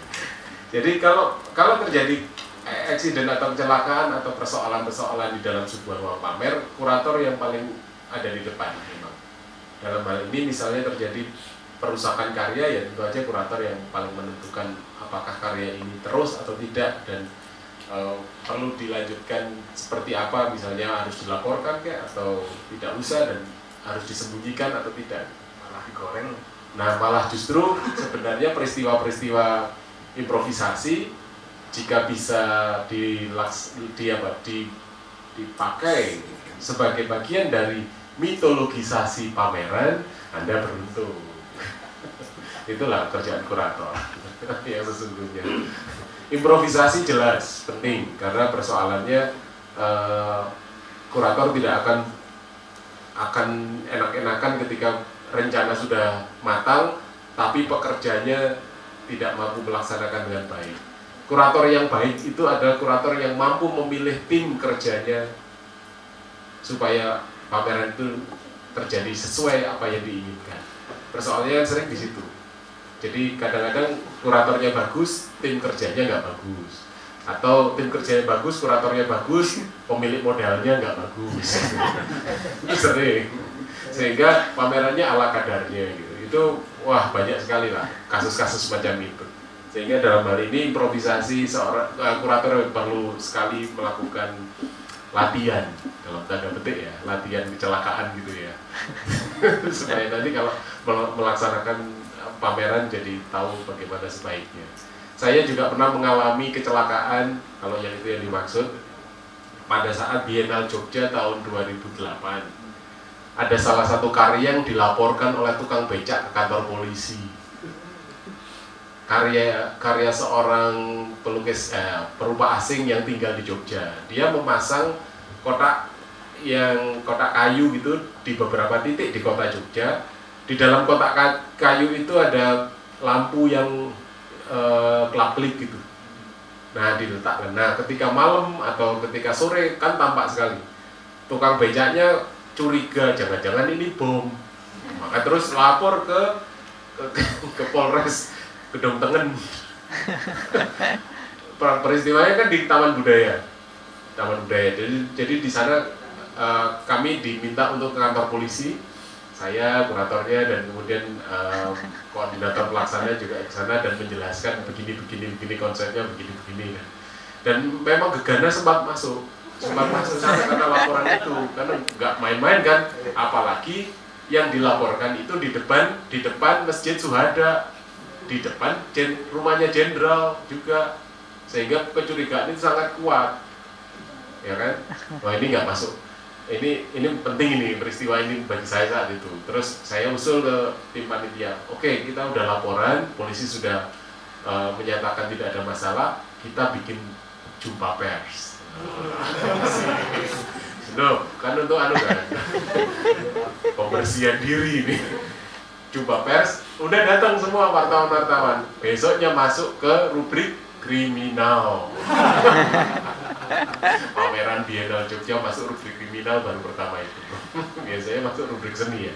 Jadi seperti itu ya contohnya. Jadi masih banyak yang lain tentu aja yang nggak saya sebutkan nanti malah justru memperparah. Keadaan terima kasih. Eh, yang dari Mas apa? Yang soal selfie itu apakah akan ditanggapi? oh bener itu udah. Oke. Itu pintar ya Eh, baik ya, Prof. Silakan, Prof.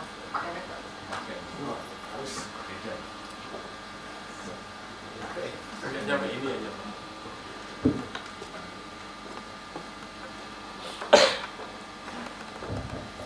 Terima kasih eh, pada moderator dan pembicara.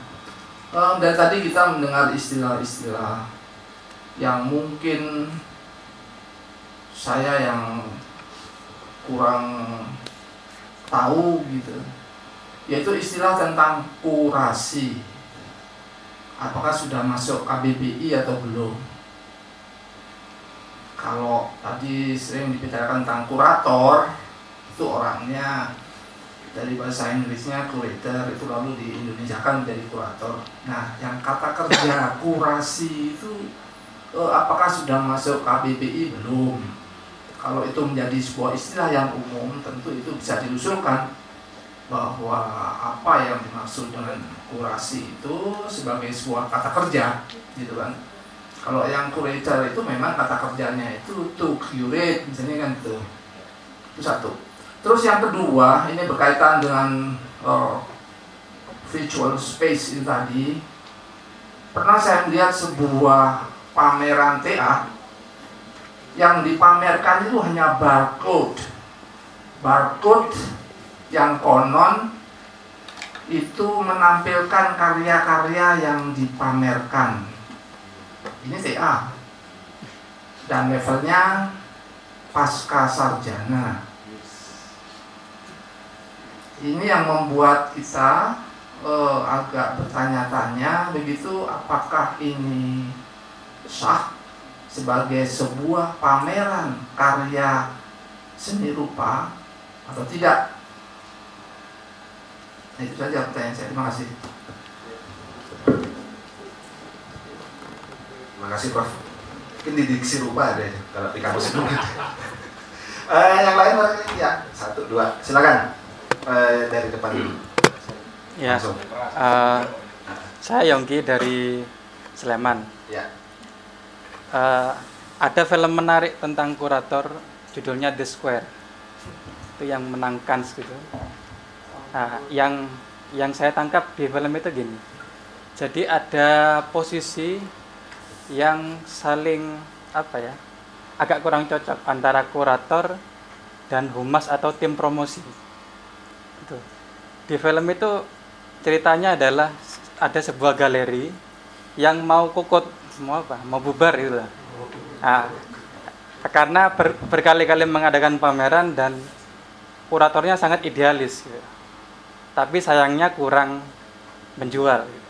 nah maka dari itu dia mengundang tim tim yang bisa mempromosikan dan bisa laku di pasaran nah, tapi ada gontok-gontokan ini antara kurator dan tim promosi nah pada akhirnya si apa si pameran itu di galeri itu memang laku.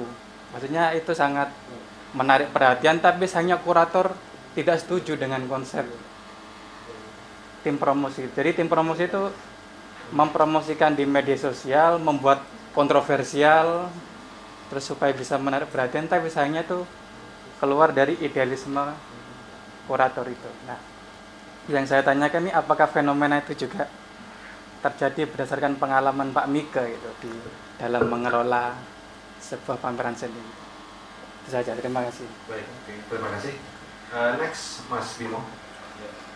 Eh, gini Pak, eh, di fotografi ini kan dalam beberapa mata kuliah kita kan diwajibkan akhir semester itu kita ngadain pameran. Nah, terus terang saya belum pernah nanya sama dosen saya kenapa saya wajib pameran gitu, saya harus pameran itu kenapa? Nah, mungkin Pak Ir bisa jawab juga karena Pak Ir terus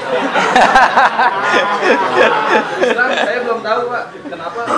Jadi kita kalau disuruh pameran, oh iya udah pameran ayo, pameran gitu. Kita belum tahu, belum pernah nanya saya kenapa sih kita harus pameran gitu kan.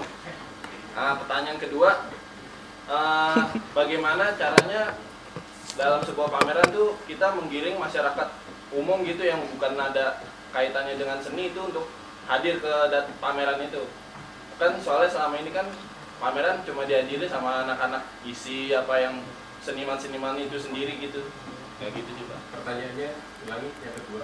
yang kedua Menggiring bagaimana menggiring masyarakat umum gitu yang nggak ada kaitannya sama seni sama sekali Ya. kayak tukang beca tadi gitu kan Iya. Oke, gitu. Izin jawab sebentar yang mengapa pameran. itu Anda kalau lihat slide pertama tadi, slide awal itu bahwa pameran itu manfaatnya itu tidak terduga. Baik, terima kasih. Silakan Mas. Eh, dari pertanyaan Prof tadi ada dua lagi. Ya, dalam hal ini moderator tidak boleh menjawab karena tugasnya cuma moderator. Nanti ditanyakan ke luar forum. Tak bela nih. Baik, yang yang pertama adalah pertanyaan Prof. Pranto. Apakah ada kurasi di KBBI? Ada, Prof. Langsung aja online Google ya. Itu langsung muncul di situ kurasi adalah eh, orang yang eh, kurasi adalah pekerjaan untuk mengelola benda-benda seni yang ada di museum dan galeri. Titik. Padahal arti itu terlalu sempit.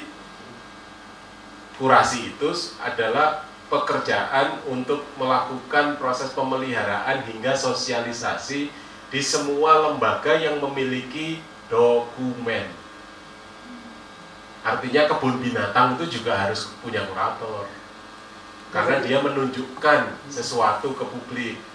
Cagar alam, cagar budaya di mana pun berada di seluruh dunia harus memiliki kurator. Kalau enggak, ya cuman sekedar melakukan pelestarian tanpa melakukan sosialisasi. Itu rugi. Ya, negara rugi tentu aja karena bagi negara semua aset harus menghasilkan kan gitu. menghasilkan keuntungan untuk untuk terus menerus agar negeri ini bisa bersejahtera misalnya gitu. Nah itu ada prof. Jadi yang kesimpulannya sudah saya di Jawa Timur tuh ada istilah dikurasi. Ya dikurasi itu kalau di Jawa Timur adalah urusan kamar mandi. kurasi. Dikuras. saya perjelas. Kerjaan saya sejak kecil memang nguras. Kurasi, nguras jeding. Nah, kemudian soal pameran barcode itu juga bagian dari pameran yang kita sebut atau yang disebut dengan museum without wall. Ya, itu. Jadi uh, pameran tanpa dinding. Sekarang ada vi- virtual itu salah satu bentuknya. Kalau dulu juga ada uh, buku itu tanpa dinding juga. Jadi bisa kita simpulkan bahwa pameran sebentuk apa pun selama dia sudah menyajikan sebuah karya seni eh, itu sudah dianggap pameran. Yang penting niatnya. Semuanya? Eh, tentang pameran barcode itu Ya. sebetulnya itu kan menjadi sangat segmentif itu Ya. masyarakatnya. Ya. Jadi mereka-mereka yang kebetulan kurang beruntung memiliki eh, gadget yang bisa melihat itu, kan itu menggunakan mata yang kedua, eh, mata yang keberapa itu untuk bisa menikmati karya itu. Gitu. Eh, saya merasa sebagai sebuah pameran TA di tempat yang khusus gitu ya Oke. itu tentu eh, kurang bisa memenuhi harapan-harapan eh, dari eh, penikmat kan gitu. Artinya mereka sudah melakukan upaya-upaya segregasi, upaya-upaya apa namanya? Penurunan, apa? penurunan apa ya? Penurunan Bukan, jadi sudah mulai yang yang nonton hanya ini aja gitu, ya kan? Eh, apartheid itu apa? penurunan publik. Apa? Eh, ya, artinya begitu. Kalau melihat, padahal itu adalah pameran TA, ya gitu kan. Yang diharapkan tidak hanya penguji saja yang bisa menikmati, penontonnya juga diharapkan itu juga bukan hanya mereka-mereka yang eh, memiliki kemungkinan untuk bisa menikmati karya seni itu secara lebih eh, luas gitu kan. Bagi saya itu masih eh, belum memenuhi secara maksimum. Art- artinya ini harus diletakkan sebagai bagian dari kebijakan masa depan dan, da- eh, di akademi ini atau di lembaga ini. Sehingga dalam konteks eh, apa pameran ini ya memang tetap disebut pameran. Hanya persoalannya bagaimana kemudian penguji sebagai eh, apresiator utama mampu me- apa, mendapatkan atau mengalami transformasi berbagai macam hal dari mahasiswa ke para pengujinya. Sehingga dalam hal ini pameran semacam ini memang punya kelemahan sekaligus juga kelebihan sebenarnya. Kelemahannya ya memang sangat terbatas dan belum tentu kita bisa melihat apakah karya yang dipamerkan itu asli apa tidak bahkan. Iya. itu terutama misalnya karya-karya lama misalnya dan kalau misalnya karya baru yang tidak di- dicetak misalnya atau atau hanya virtual ya tentu aja hampir sama sebenarnya kalau kalau cuman barcode barcode begitu aja. Dalam dalam dalam perkembangan seni itu bahkan juga ada yang pameran kanvasnya itu gambar caption prof. Jadi cuman judul sama dot merah gitu. Jadi pameran judul nggak ada gambar. Jadi captionnya digedein terus dipamerin gitu. Gampang kan? Ngapain gambar kalau judulnya udah laku. Itu juga terjadi di situ. Jadi kembali lagi memang pada pada hari ini kita mendapatkan tantangan yang eh, berlebih dari dari eh, perkembangan teknologi sehingga prodi bisa melakukan kajian lebih lanjut mengenai hal itu. Aturan di buku panduan tugas akhir harus ditambah kayaknya. Gitu ya. Kemudian istilah eh, museum without walls itu itu istilah lama. ya Itu berkaitan dengan pernyataan Andre Malraux menyatakan bahwa buku itu ada museum without walls. Tapi kalau yang barcode tadi mau dimasukkan ke sana ini perlu kesepakatan dulu. Karena esensinya oke, tetapi konteksnya yang mungkin kurang pas. Karena tidak semua bisa nyatakan karena ini eh, tidak menggunakan dinding lalu bisa dimasukkan dalam istilah museum without walls itu. Ya, ya. Jadi perlu diingat dulu. Baik, setuju, setuju. Memang, memang konteksnya berkembang saya. Saya kira kalau penulisnya masih hidup juga pasti. Oh ya, setuju, setuju aja. Belum tentu. Belum tentu ya. Hanya dugaan-dugaan. Baik, eh, itu yang eh, dari Prof. Prato. Yang kemudian yang kedua fenomena humas dan kurator yang terjadi. Itu sering terjadi, Mas. Namanya dia tanya ya. Iya. Sering terjadi karena persoalannya kadang-kadang pinter kuratornya, humasnya nggak bisa jelasin ke publik, sehingga terjadi gap informasi. Selain itu, kuratornya pinter, humasnya pinter, wartawannya nggak pinter. Jadi yang ditulis itu cuma hal-hal yang, aduh ngapain diterangin gitu ya. Jadi sering seperti itu sehingga sehingga upayakan menjadi kurator jangan terlalu canggih dalam berbahasa. Kalau berimajinasi, beride, oke, silakan dicanggih-canggihkan. Tapi kemudian ketika dituturkan, tolong cari cara yang termudah untuk bisa diakses orang yang nggak ngerti seni misalnya. Sampai orang yang nggak ngerti seni pun bisa ngerti. Jadi itu yang yang eh, terjadi dan kadang-kadang tulisan kuratorial itu kadang-kadang lebih menyulitkan daripada memudahkan apresiasi. Itu kan bagian dari humas kan, teks kuratorial itu. Nah, itu terjadi. Sa- Saya kira apa kemudian yang bisa kita lakukan terhadap eh, teks kuratorial yang ada di katalog gitu atau yang ada di dinding itu wall text itu. Ya, itu kan untuk menerangkan aja bahwa pameran ini dilaksanakan untuk ini dan bagaimana cara mengapresiasinya dan kemudian apa pentingnya pameran ini? Cukup. Kalau misalnya mau dikaitkan biar agak terkesan akademis ya diberi footnote footnote titik lah gitu ya. Jangan banyak banyak lah. Nanti nyanyi Prof. SS nanti wah ya jadi proses kurasi itu adalah untuk memudahkan publik supaya lebih eh, mudah untuk masuk ke karya-karya. Jadi persoalan gap pengetahuan atau transfer pengetahuan yang tidak lancar menyebabkan pameran ini menjadi berkurang eh, apresiasinya. Ya. Kemudian yang kedua, mengapa pa- harus pameran TA? Eh, oh ya, pameran akhir semester. Ya sering kan, semua prodi atau beberapa prodi di antaranya juga melakukan itu. Hakikat atau filosofi pameran itu kan salah satu tujuannya adalah untuk menumbuhkan rasa percaya diri. Nah, itu ditunjukkan dengan cara berpameran.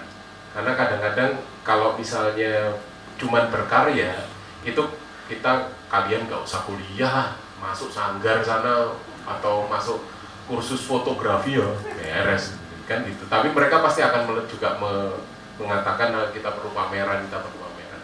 Tapi yang paling penting kan sudah saya sebut di atas. Kalau kal- kalau kita dianggap ada, kita harus pameran, ya kan? Soal fotonya jelek atau bagus itu kan urusan nomor dua. Yang penting ada dulu, kita muncul dulu, dan itu membuktikan semakin sering kita muncul, semakin sering kita dianggap nomor satu. Biasanya sering gitu. Makanya jangan jangan lupa untuk menginvestasikan waktu kita agar di tahun-tahun ke depan kita sudah punya waktu untuk pameran saya sering kali berpikir bahwa tahun tahun dua tahun ke depan saya harus lakukan pameran ini atau mengkurasi ini dua lima tahun ke depan apa dan dan seterusnya. Sehingga nah, itulah yang disebut dengan mestakum itu tadi. Wah manjada wajada katanya jadi kuliah. Baik kemudian yang berikutnya adalah pertanyaan bagaimana menggiring masyarakat ke ruang pamer? Saya punya banyak strategi untuk itu. Eh, pameran koleksi Istana Presiden itu dilaksanakan 2016 selama selama satu bulan penuh di tanggal 1 sampai tanggal 31 Agustus di Galeri Nasional Indonesia itu pengunjungnya 40 ribu. Penyumbang terbanyak pameran di Galeri Nasional Indonesia. Itu caranya macam-macam dan tidak bisa kemudian hanya hanya berpangku tangan untuk untuk me- mengejar kebagusan pameran tetapi juga harus bagaimana meng- mengelaborasikan antara pameran yang bagus harus di-share ke masyarakat. Publikasi dan promosi harus handal betul. Kalau enggak kita nggak bisa nggak bisa anu, nggak bisa masuk memasukkan itu. Bukan berarti karena terus karena ini koleksi istana presiden terus akan ada banyak yang datang belum tentu juga. Karena persoalannya kadang-kadang kalau tidak dipromosikan ya tentu aja yang datang paling-paling berapa? 10 ribu 20 ribu aja. Nah persoalan itu bisa ditengarai dengan munculnya kerjasama antar lembaga. Ya kita yang harus jemput bola mereka ke mereka. Jadi eh, kunjungan ke se- sekolah-sekolah itu perlu untuk dilakukan kemudian promosi ke media massa. Datangi itu media massa pemilik media massa atau cabang-cabang media massa yang ada di sini dan diminta kerjasama. Karena dengan begitu kita bisa me- apa, memudahkan atau bahkan hemat hemat hemat dana ya untuk untuk bisa melakukan pekerjaan semacam itu. Jadi eh, ada strategi yang bisa dilaksanakan nanti bisa dilan- dilanjutkan diskusinya setelah ini. Tuh kemudian apa lagi ya? Sudah kayaknya ya itu ya. Jadi pada intinya seperti itu dan eh, apa? Ya cukup lah Itu yang terakhir di buku kelola seni itu ada yang nulis soal itu. Pangeran Yasuheri Arno. itu berapa Bu? Lima ribu cuma. Tapi lumayan. Oke, eh, kita masih ada waktu sedikit. Saya kira satu barangkali kalau memang masih ada bisa. Eh, ada Pak. Ya, silakan. Satu ya. Ya, Pak. Eh, Assalamualaikum warahmatullahi wabarakatuh. Waalaikumsalam. Eh, saya akan menanyakan sesuatu. Eh, gini Pak, bisakah seorang seniman itu dikatakan sebagai profesi juga karir misalnya? Nah, eh, adakah di dalam kita sebut seniman itu kah adakah tingkatan karirnya gitu? Nah, setelah itu, nah sebagai seorang kurator, eh, bagaimanakah atau eh, ada cara untuk membangun strategi eh, untuk membangun karir seorang seniman? Gitu. Gitu. Terima kasih. Terima kasih. Jadi adakah tingkatan karir seniman, kemudian adakah bagaimana kurator bisa membantu seniman dalam memastikan dia on the track, jadi tiap tahun progresnya makin naik misalnya. Nah, Baik, pertanyaan pertama adalah persoalan tingkatan karir seniman. Ada mas, jadi di dunia eh, wacana seni di internasional ada level seniman alfa sempat sempat tadi saya sebutkan ya alfa, beta, delta dan gamma. Omega nggak usah terlalu jauh O, cukup A, B, D, G. C-nya nggak ada. Apa kira-kira? C. C memang nggak perlu. langsung D aja, langsung ke G. Ngulang, Pak. Jadi yang alfa itu adalah perupa yang disebut dengan superstar. Dia mampu mempengaruhi publik kelak dunia, seluruh dunia, superstar. Kemudian level B adalah seniman eh, profesional, profesional artis. Kemudian yang delta itu eh, seniman biasa, apa bahasa Indonesia lupa saya. Bukan bukan reguler ya, artis bukan, tapi ada istilahnya. Yang keempat ini yang me, me- apa ya menyengsarakan. Purdok artis. Apa bro dekatnya apa itu bro purdok artis. Sudah sudah miskin anjing lagi. Purdok artis. Jadi eh, itu kriterianya yang paling bawah itu tidak punya arsip tidak punya prof, apa, portofolio tidak pernah pameran ya kayak gitu gitu tapi mengaku sebagai seniman it's okay lah. Percaya diri aja walaupun nggak pernah pameran. Dosen masuk mana?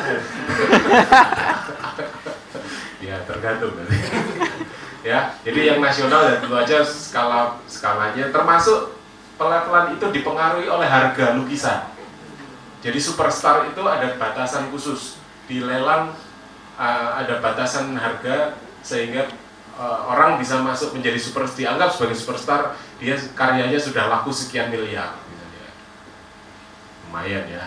Artinya hari ini pasar itu sangat dipengaruhi atau sejarah seni itu sangat dipengaruhi oleh lelang benda seni itu sendiri. Harga. Makanya S3 nya harga itu penting tuh Prof.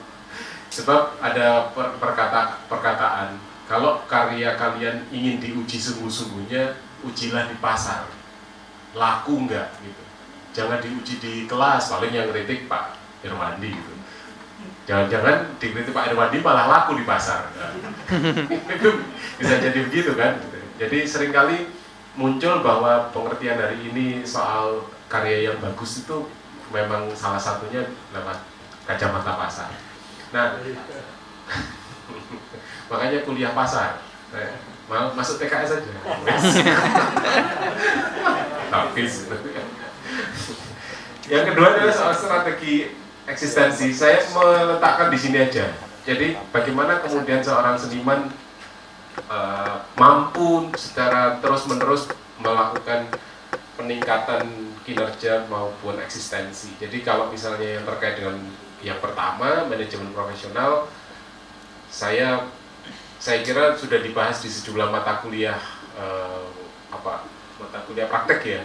Mulai dari desain elementer sampai eh, seni apa fotografi berapa begitu ya ada di situ. Kemudian yang berorganisasi ini kaitannya dengan kebiasaan kita eh, attitude kita terhadap masyarakat. Bagaimana berpenampilan bagaimana berbahasa bagaimana berkomunikasi bagaimana bersandal jepit yang baik gitu. Ya ya boleh bersandal jepit kan tapi kan pada ruangnya. Katanya begitu. Kemudian bagaimana kita melakukan sebentuk strategi eksistensial ini? Salah satu syarat kesenimanan menurut eh, standar kerja kompetensi nasional Indonesia ini asesornya ada di sini satu adalah dua hal yang bisa kita tandai. Satu, seniman yang mampu melaksanakan syarat pertama adalah konsisten. Konsisten terus menerus tidak pernah menyerah terhadap berbagai macam masalah. Nggak laku, berkarya terus. ya kan, pameran berkali-kali nggak laku-laku, ya mungkin pameran berikutnya. Gitu aja ngomongnya ya, mungkin pameran berikutnya, mungkin pameran berikutnya. Soal kapan ya itu Tuhan yang tahu. yang kedua adalah resisten terhadap kritik. Jadi mohon tidak terus hancur gara-gara dikritik oleh Pak Irwandi gitu ya. Jadi kalian para mahasiswa yang mau melaksanakan eh, kerja profesi sebagai seniman tentu aja resisten atau tahan terhadap kritik dan bukan berarti tahan diem aja tetapi melaksanakan berbagai macam aksi untuk me- apa, mengelaborasi kritik itu menjadi sesuatu yang jauh lebih baik dari sebelumnya. Jadi itu upaya untuk menjadi eksis menjadi terus hidup terus menjadi bagian dari masyarakat seni yang eh, muncul saat ini sa- ada saat ini. Kayak gitu informasi yang bisa saya berikan